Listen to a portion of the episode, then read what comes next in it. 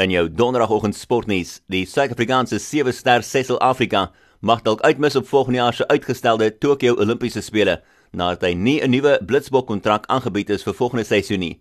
Die 32-jarige was wonderstel om sy loopbaan te eindig by verjaar se Olimpiese spele, maar die COVID-19 pandemie het natuurlik chaos gesaai met die internasionale sportkalender wat veroorsaak het dat die spele uitgestel is na 2021 toe.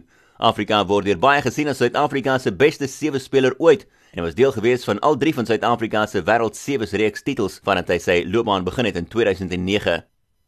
SA Rugby het by hulle algemene jaarsvergadering 'n 8.5 miljoen rand wins aangekondig na belasting vir 2019. Die uitvoerende hoof, Yuri Roo, sê finansiële dissipline beteken dat die organisasie in staat was om die koronaviruspandemie te trotseer vanuit 'n relatiewe sterk posisie uit. En die Weselike Provinsie Rugby Voetbalunie se uitvoerende komitee lid en aandeelhouer direkteur Kevin Kibitz het bedank. Die nuus is bevestig deur die Unie se president Zeltmare.